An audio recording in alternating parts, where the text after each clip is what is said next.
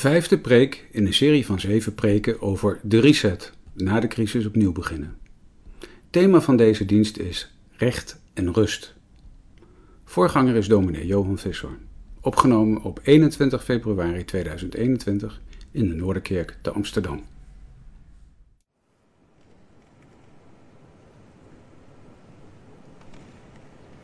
We lezen twee gedeelten uit het boek Nehemia in het kader van de serie De Reset. Hoe beginnen we opnieuw? Hoe gaan we verder na de crisis?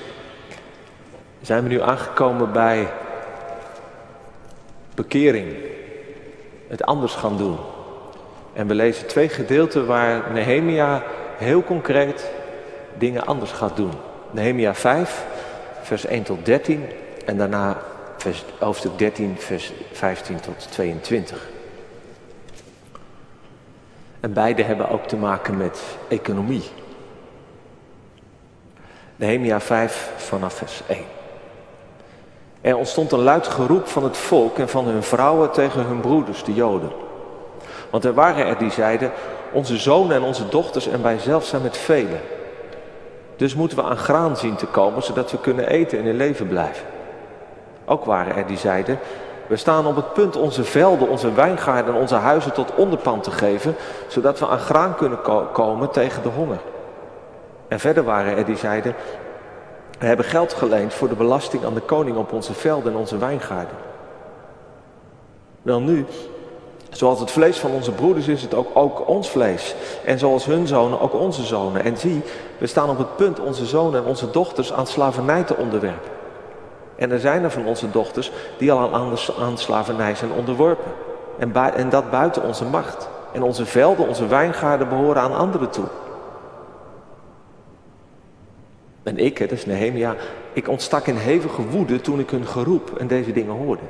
En ik ging bij mezelf te raden en ik riep de edelen en de machthebbers ter verantwoording en zei tegen hen, u leent geld uit tegen rente. Of u leent, leent geld uit met een onderpand. Zo zou je dit ook kunnen vertalen. Ieder aan zijn broeder.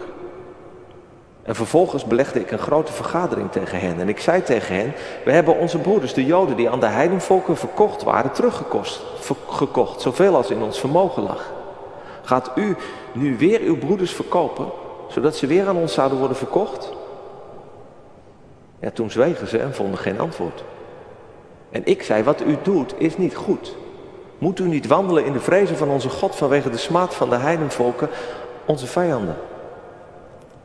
En leende ook ik mijn broers en mijn knechten geld en graan aan tegen, tegen rente of tegen dat onderpand. Laten we toch deze rente, deze, met dit, lenen met dit onderpand achterwege laten. Geef hen toch vandaag nog hun velden, hun wijngaarden, hun olijfbomen en hun huizen terug. En ook het honderdste deel van het geld en het graan, de nieuwe wijn en de olie die u hun leent. Toen zeiden ze, we zullen het teruggeven en we zullen niets meer van hen eisen. Zo zullen we doen zoals u het zegt. En toen riep ik de priesters en ik liet hen zweren om dien, om dien overeenkomstig te handelen. En ook schudde ik de plooi van mijn mantel uit en zei, zo mogen God elke man die dit woord niet gestand zal doen, uitschudden uit zijn huis en uit zijn arbeid. En zo mogen hij uitgeschud en leeg zijn. En de hele gemeente zei, amen. En zij prezen de Heer en het volk handelde dien overeenkomstig. En dan uh, bladeren we verder naar het dertiende, het laatste hoofdstuk. En dan lezen we verder vanaf vers 15. En we luisteren aansluitend naar Psalm 72. Dan gaat het over een koning. De Messiaanse koning. Maar Nehemia heeft er ook wel iets van. Die goed luistert naar de mensen die om hulp roepen. Psalm 72 uit de oude, oude berijming, vers 1 en 2 na deze lezing.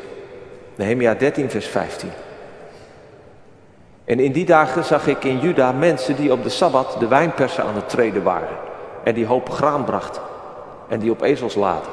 En ook wijn, druiven en vijgen en allerlei andere lasten. En ze brachten die naar Jeruzalem op de Sabbatdag. Op de dag dat zij het voedsel gingen verkopen, waarschuwde ik hen. Ook woonden er Tyriërs die vis aanvoerden en allerlei koopwaar. Die ze op de Sabbat aan de Judeërs en in Jeruzalem verkochten. Toen riep ik de edelen van Juda ter verantwoording en zei tegen hen, wat is dit voor een wandaad die u verricht, waardoor u de Sabbatdag ontheiligt? Deden uw vaderen niet even zo? En vervolgens bracht onze God al dit kwaad over ons en over deze stad. En u voegt nog eens toe aan de brandende toorn over Israël door de Sabbat te ontheiligen. En het gebeurde toen de poorten van Jeruzalem hun schaduwen afwierpen voor de Sabbat, dat ik zei dat de deuren gesloten moesten worden. En ik zei dat ze ze niet mochten openen tot na de Sabbat. En ik plaatste een aantal van mijn knechten bij de poorten, zodat er geen last zou binnenkomen op de Sabbatdag. En toen overnachten de handelaars en de verkopers van allerlei koopwaar buiten Jeruzalem één of twee keer. En ik waarschuwde hen en zei tegen hen, waarom overnacht u bij de muur? Als u dat nog eens doet, zal ik de hand aan u slaan. En vanaf die dag kwamen ze niet meer op de Sabbat. En ik zei tegen de levieten dat ze zich moesten reinigen en dat ze de poorten zouden komen bewaken om de Sabbatdag te heiligen. Denk ook hierom aan mij, mijn God, en spaar mij overeenkomstig de grootheid van uw goede tierenheid. Je bent zalig als je het woord van God hoort en het bewaart. Gemeente van Jezus Christus. Ja, wat gaan we doen als de coronacrisis voorbij is? Misschien heb je al allerlei plannen of dromen. Misschien durf je er nog niet aan te denken. Pakken we het leven gewoon weer op? Het oude normaal, zoals we leefden tot aan begin vorig jaar? Anderen verwachten dat de opgekropte levensdrift, de gemiste kansen en de uitgestelde plannen eruit moeten. En dat, zoals na de Spaanse griep en de Eerste Wereldoorlog in 1918, er weer nieuwe roaring twenties komen. Wilde jaren. In beide gevallen zou dan de coronapandemie een soort van pauzeknop in ons leven zijn. Een vervelende pauze. En als die voorbij is, dan drukken we weer op play en dan gaat het oude liedje weer verder. Of we zetten een vet feestnummer op. Zou het ook anders kunnen? Geen pauze, maar een reset.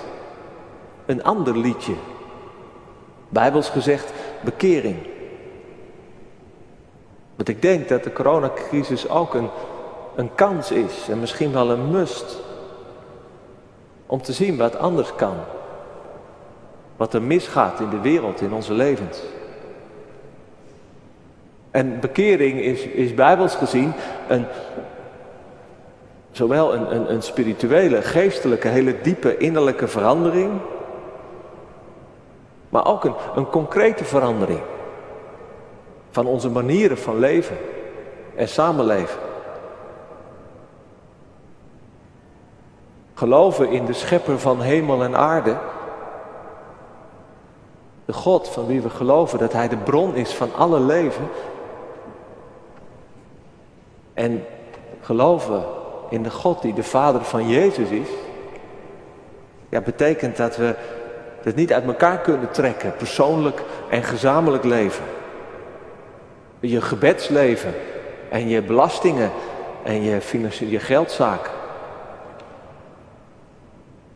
Economie en spiritualiteit. Nou, als deze crisis iets van zo'n bekering, zo'n reset oplevert, dan is dat denk ik een grote zegen. En het gebeurde ook na de crisis van de ballingschap. En het gebeurde niet automatisch. Dat had iets te maken met het moedige en het kritische leiderschap van Nehemia. Want, en dat is misschien ook wel hè, zoals het altijd gaat met ons mensen, ook daar was eigenlijk het weer, was men weer gewoon op de oude manier verder gegaan. Was het op sociaal en economisch gebied al heel snel weer het oude liedje van voor de crisis. Tot er luid wordt geroepen. Het volk. En dan de vrouwen in het bijzonder. En uitleggers vragen zich af waarom zijn het de vrouwen? Ja, waren zij degene die, die, verantwoordelijk waren voor, voor, eh, voor, voor voedsel en zo? Maar in ieder geval, ze roepen het uit. En dat is een, een typisch Bijbels woordje. Als er geroepen wordt in de Bijbel, dan gebeurt er iets. dan gaan Gods oren open. En vroeg of laat komt God in actie. Want dat roepen dat hier wordt genoemd, dat, dat klonk ook uit Sodom en Gomorra. Die steden waarin het kwaad en het onrecht alles verziekt had. Dat roepen, dat klonk ook uit Egypte. Toen de nakomelingen van Abraham en Jacob daar als slaven aan het werk waren in het wereldrijk van de farao. En het klonk ook uit Jeruzalem. Toen Jeruzalem begon te, te, lijken op Egypte en op Sodom en Gomorra in de tijd van Jezaja. Mensen die het uitschreeuwen dat ze in het nauw zitten, dat ze geen kant meer op kunnen, dat ze lijden onder het onrecht. Dat ze geen leven hebben. En dat ze, de, dat ze bij de mensen niet meer kunnen, kunnen komen. En dat ze daarom, daarom als laatste tot God roepen. En nu klinkt het weer. Nota bene, terwijl ze dus, dus bezig zijn met de opbouw van een nieuw bestaan. Die stad in puin. En Nehemia zegt het twee keer van mensen, kijk nu eens hoe het, hoe, hoe het misging eerst. En opnieuw klinkt te roepen. We hebben geen eten genoeg om onze kinderen eten te geven. En, en we moeten ons land en onze wijngaarden en onze huizen als onderpand geven bij een lening om, om voedsel te kunnen kopen of om belasting te kunnen betalen. En, en als we die schulden niet kunnen betalen, dan, dan zijn we ons land kwijt. En sommigen zijn het al kwijt. En dan de volgende stap is dat we zo verarmd raken dat we, dat we onszelf, onze kinderen moeten gaan verkopen als slaven. Ja, wat de reden is dat er, dat er honger is en dat al die mensen in de schulden kwamen, dat, dat wordt niet verteld. Kan natuurlijk gewoon mislukte oogsten zijn. Het zou wel kunnen zijn dat, dat al die aandacht voor de herbouw van de stad, dat daardoor het werk op het land verwaarloosd werd. Ja, die, die, die, een heleboel van die mensen waren bezig met, met de herbouw van de muur. Maar hoe dan ook, het, het water staat hen aan de lippen en daarom roepen ze. En dit is wel belangrijk, denk ik, vanuit ons geloof. Dat dat, dat, dat roepen zo belangrijk is voor God. God is denk ik niet zozeer geïnteresseerd in allerlei politieke ideeën. Over de markt en de staat en over conservatief en progressief of liberaal. Als dat zo was, denk ik, dan had hij dat allemaal wel zo precies voorgeschreven. Of hij had Adam Smith of Karl Marx wel tot zijn profeten gemaakt. Maar waar God wel door geraakt wordt, is, is gerechtigheid. En dat is gewoon heel concreet. Dat mensen tot hun recht komen.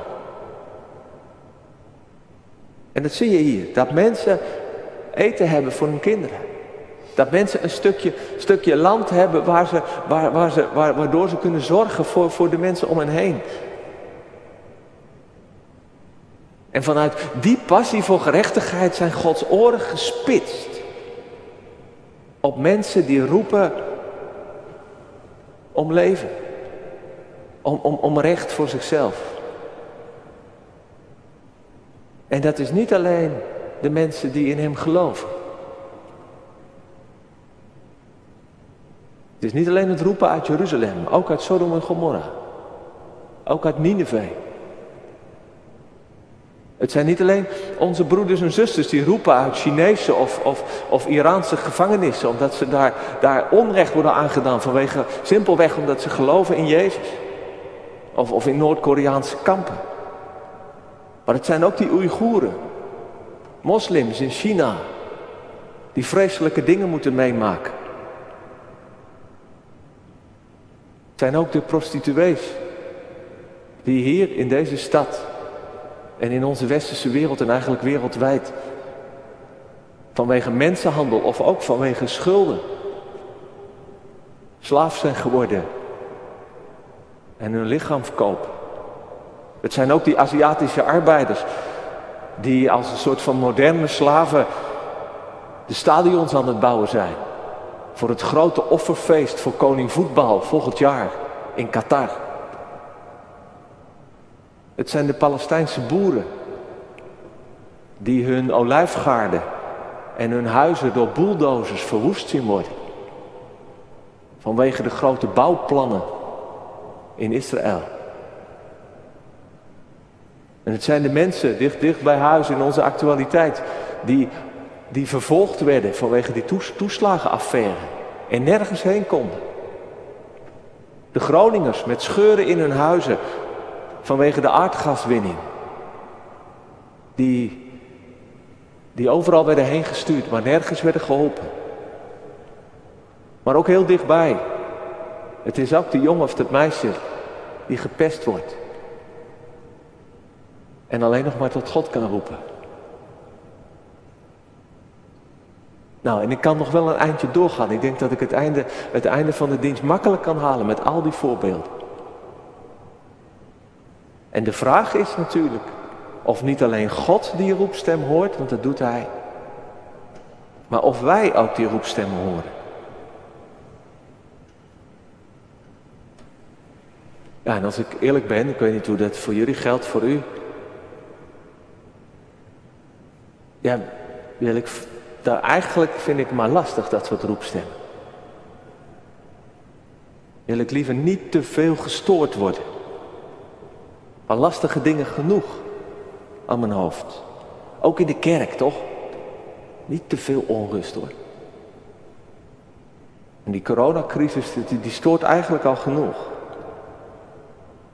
Maar toch is het denk ik de vraag. Wanneer we, ons, wanneer we geloven in God. Is de vraag of we ons willen laten storen door de roepstemmen die Hij sowieso hoort. Van mensen, wie dan ook, die roepen om recht. En natuurlijk, er ligt een eerste verantwoordelijkheid bij de leiders, dat is hier ook. Die, die, die stemmen komen ook bij, bij, bij Nehemia. En Nehemia gaat dan ook naar de, naar de, naar de rijken of degene met, met, met macht om met hen daarover te spreken. Maar dit is denk ik niet het enige. We hebben ontzettend de neiging vandaag de dag om, om alles bij de politiek te leggen. En bij het bedrijfsleven. Ik hoorde een podcast van Rut, Rutger Bregman. Die, daar, die, daar, die daarop inging. Zei van de laatste, laatste jaar is het, is het vooral ook in progressieve kringen. Is het ontzettend in om te zeggen van ja. De, de grote problemen van de wereld. Het klimaat en de ongelijkheid. Daar kun, kun jij niks aan doen. En, en, en, en dan moet je vooral ook niet, niet persoonlijk aantrekken. Want ja, dan, dan, dan ga je je schamen voor vliegen en voor vlees en weet ik veel waar je allemaal voor gaat schamen. En Brechtman zegt van ja, dat is natuurlijk uiteindelijk een manier waarop je niet gestoord wil worden. En die ook niet gaat werken.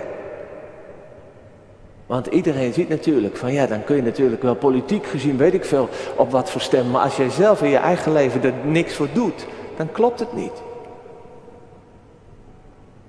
En in de kerk kun je natuurlijk ook het gevoel hebben, ja, maar, maar al die stemmen, en, en moeten we niet gewoon bezig zijn met, met, met dat, dat mensen persoonlijk God leren kennen. Dat, is, dat, is, dat is ook van levensbelang, natuurlijk. Maar als ieder van ons nu zo'n stem hoort, dan gebeurt er al heel wat. En het werkt ook ontzettend aanstekelijk, denk ik. Dat is altijd. Daarom is het ook goed om ervoor te bidden. Dat er, als er maar een paar zijn in onze gemeente ook. Die, die dat soort stemmen horen en, en daarmee aan de slag gaan. Dan werkt het ons aanstekend, ook voor anderen. Ik denk het ook een zegen en ontzettend dankbaar dat we vanaf volgende maand dat, dat Schalakenkoord hier in de kerk komt.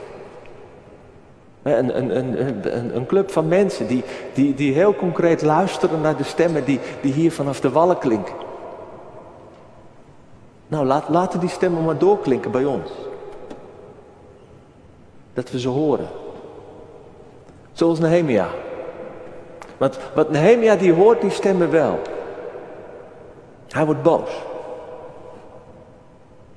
Misschien ook wel een beetje op zichzelf. Want later in dat vers wat hier als, hier als vraag staat: hè, van lenen ook ik, mijn broers en mijn knechten geld en graan aan tegen dat onderpand.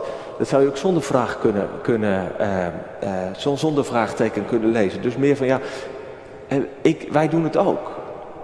Wij, wij werken op dezelfde manier. En hij beseft opeens, we zijn allemaal weer deel van dat, van dat systeem van, van schulden met, met, met onderpanden, waardoor deze mensen alles kwijt dreigen te raken. En hij wordt boos, maar dan laat hij het ook bezinken. En denkt eerlijk en goed na wat er aan de hand is en hoe hij het moet aanpakken. Dat is ook denk ik belangrijk. Alleen een beetje woede en een beetje verontwaardiging en sentiment, dat kunnen we allemaal wel hebben. Zeker als het een beetje gehyped wordt. Maar dat is niet genoeg. En wat, wat uh, Nehemia dan doet, is dat hij zich niet terugtrekt op de regels. Op de wetten. Zelfs niet op de wet van Mozes, hè, die, ze, die ze net weer aan het ontdekken zijn, zou je kunnen zeggen. Want in, die, in de wet van Mozes was het toegestaan om, om, uh, om in het geval van schulden ook onderpanden te nemen. Het was beperkt. Dus met de regeling van het Sabbatjaar en het jubeljaar moest het uiteindelijk weer terugkomen bij de mensen. Maar, maar het kon wel. Dat had hij kunnen doen. Hij had kunnen zeggen, ja sorry mensen, het is, het is vervelend, maar het is allemaal wel legaal wat, wat we doen. En ja, het is een lastige tijd voor iedereen en, en ik doe ook mijn best. Nee, hij heeft die mensen echt gehoord. En hij beseft, dit kan niet. We zijn broeders en zusters van elkaar. We horen bij elkaar. En dit kan niet de wil van God zijn. En daarom roept hij de mensen bij elkaar. En hij spreekt degene die, die geld hebben geleend. En die onderpanden hebben gekregen, die spreekt hij toe. En hij zegt, dat doen jullie. En, en, en waarschijnlijk, ik, ik doe er ook aan mee, mijn familie ook. Maar we zien nu wat de gevolgen zijn. Mensen raken zo verarmd dat ze hun eigen land en uiteindelijk zichzelf moeten gaan verkopen. En dat is vreselijk, want vroeger hebben we ons, ontzettend ons best gedaan om, om al die mensen die in slavernij zaten, om die, om die uh, terug te kopen. En nu, nu zijn wij erbij betrokken om hetzelfde te doen. En dat kunnen we voor God niet maken. Dus hij trekt zich niet terug op de regels. Hij zegt, uiteindelijk gaat het hier over de vrezen voor God, het ontzag voor God. En daarom geef het vandaag nog terug. Het land, die wijngaarden, hun huizen. En ook het honderdste deel, dat is waarschijnlijk de rente die ze op de leningen hebben gevraagd. En het is mooi, dit is een van de weinige keren in de, in de, in de Bijbelse geschiedenis dat we, dat we zien dat die, dat die wetsbepalingen van dat Sabbat en dat jubeljaar, dat die in de praktijk worden uitgevoerd. Dat er echt iets gebeurt van gewoon schulden worden kwijtgescholden. De mensen krijgen terug wat van hen was, zodat ze weer kunnen leven. Ik ben geen politicus of econoom en dat is denk ik maar goed ook. En zoals ik al zei, in de, in de Bijbel is er ook niet een soort van, van bijbels of goddelijk politiek of economisch systeem. Maar het enige wat ik, wat ik wel mag en moet zeggen, is dat samenlevingen en de verantwoordelijken in onze samenlevingen de plicht hebben om de roepstemmen van de mensen in nood en in onrecht te horen.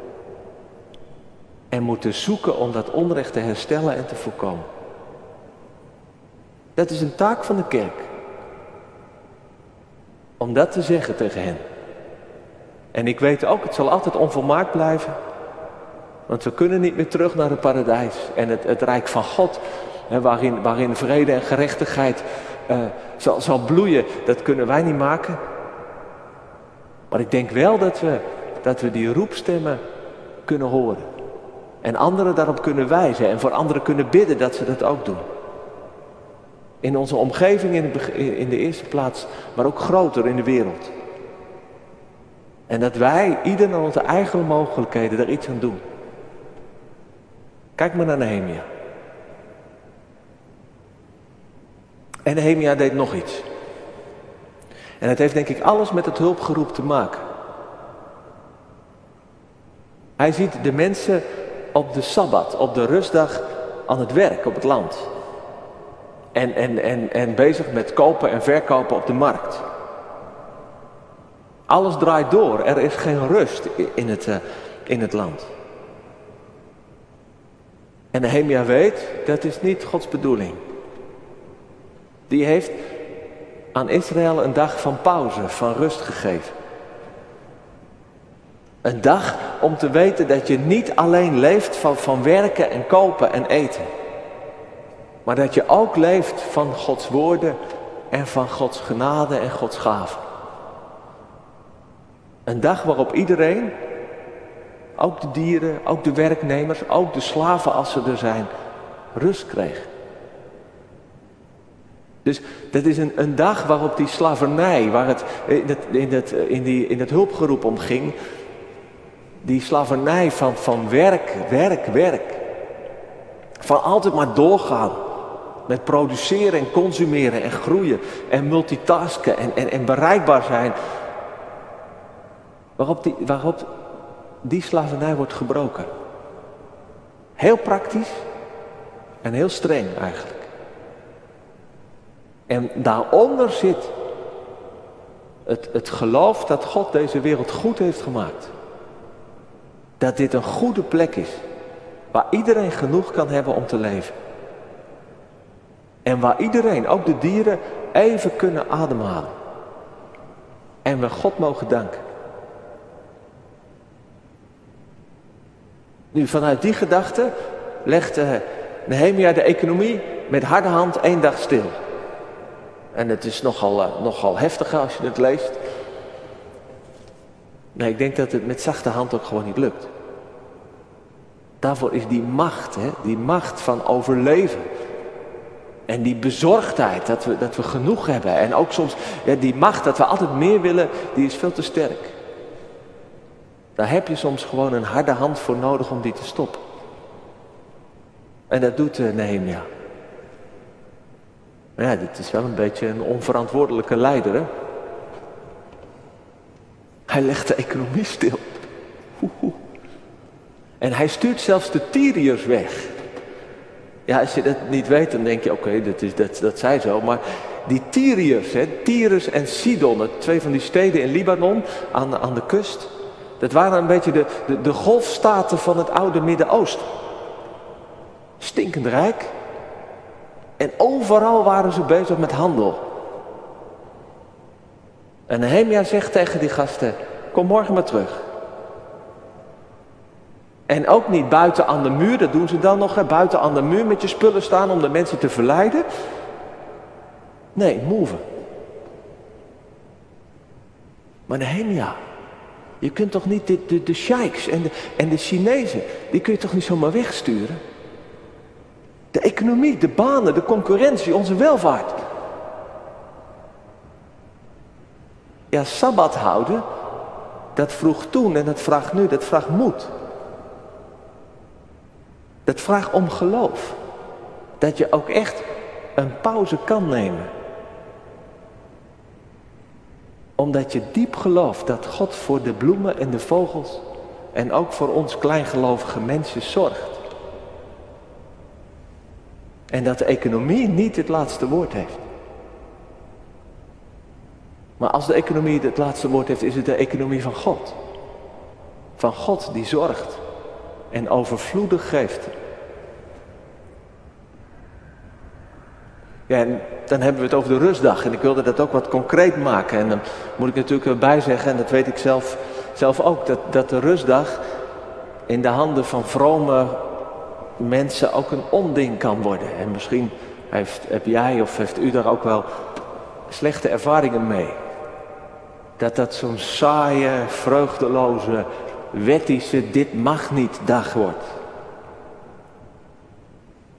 Ik geloof trouwens niet dat, dat de zondag in plaats van de sabbat is gekomen. Dat kom je helemaal nergens tegen in de Bijbel. En wij als een gelovige, hele kleine minderheid, kunnen natuurlijk niet hetzelfde doen als, als Nehemia in de tijd dat hij, dat, dat hij het leven in Israël weer opnieuw moest opbouwen. Maar ik denk wel dat wij de Sabbat, dat wij de rustdag nodig hebben om in onze tijd geen slaven te worden. Een tijd waarin alles doorgaat. En waarin ook onze vrije tijd eigenlijk een heel commercieel gebeuren is geworden. Kijk, om je geloof te, te blijven voeden. En om je te laten storen in de, in de, de red race van het, van het leven. En ook om je oren te openen en op te scherpen voor, de, voor dat hulpgeroep dat er in de wereld en, en in onze omgeving klinkt. Is denk ik dat principe van Sabbat is noodzakelijk. En, en een gewone geschenk van God voor ons. En met de afname van de invloed van de kerk en het christendom is heel veel van het goede van de Sabbat in ons leven is verdwenen. Het goede was verbonden aan de zondag en de christelijke feestdag. En ik denk dat krijgen we niet meer terug. En je mag erover klagen, maar niet te lang alsjeblieft. Ik denk dat, het, dat wij in onze tijd, van, van, van een economie van 24 op 7 en van een technologie die niet meer van stoppen weet, opnieuw moeten leren om Sabbat te houden. Hoe kan jij, hoe kan, hoe kan ik, hoe kunnen wij de tijd weer heiligen? Dat we eh, eh, in het hele drukke leven, wat, wat goed is en wat we leven, dat we ook een andere tijd hebben. Die verbonden is met God, met onze ziel. Waarin we ook echt durven stoppen.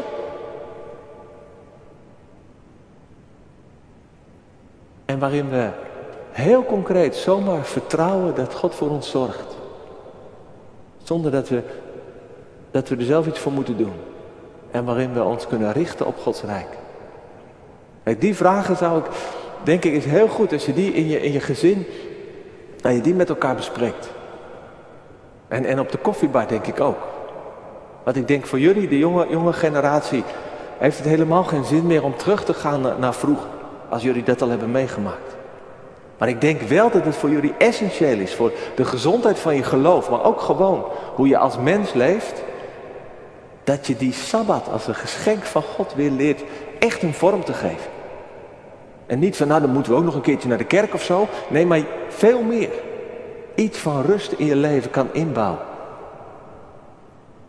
Durf je daar echt, echt eerlijk met elkaar en open het gesprek over aan te gaan. De coronatijd was deels een beetje een verplichte sabbat.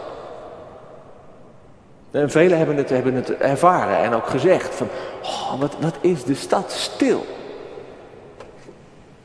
Zonder toeristen, zonder shoppers. En wat een rust was het voor de mensen die rond Schiphol woonden. Toch? Ja. Ja, ja jullie ook. En, en, en ik romantiseer natuurlijk niet, want ik weet ook dat, dat die Sabbat ellendig genoeg is voor velen. Maar ik denk wel dat, dat deze, die coronacrisis een vraag voor ons is. In ieder geval voor ons als kerk. Samen met de synagogen en met het volk van Israël. En met alle, alle in onze omgeving. Die moe zijn van die red race. En, en die lijden aan die talloze verslavingen. Of wij de positieve ervaring van de Sabbat praktisch durven maken. In ons ritme thuis, in ons gezinsleven. En ook in onze omgang met, met de smartphone en met nieuws en met entertainment. Dat we het praktisch maken, in de tijd maken voor God, voor anderen. En voor hen die, die, die roepen om gerechtigheid en leven. En ik denk net als bij Nehemia. Daarin heeft mij dat verhaal mij echt opgescherpt. Net als bij Nehemia zal dat niet gaan zonder concrete, pijnlijke keuzes. En hele concrete afspraken met jezelf, met elkaar en tegen de Tyriërs van vandaag. Want die zijn er vandaag al, met hun dollars en euro's en bitcoins. Die willen niks liever dan dat wij doorgaan en doorgaan met, met produceren en consumeren en entertainen en klikken totdat we dood zijn. En daar zullen we dus iets tegen moeten, echt tegen moeten doen. En dat is de reset. van recht en van rust. Dat is echt anders leven. En natuurlijk, dat heeft ook alles met ons hart te maken. En van binnenuit en van harte. Maar het is ook heel praktisch. En heel streng soms. Amen.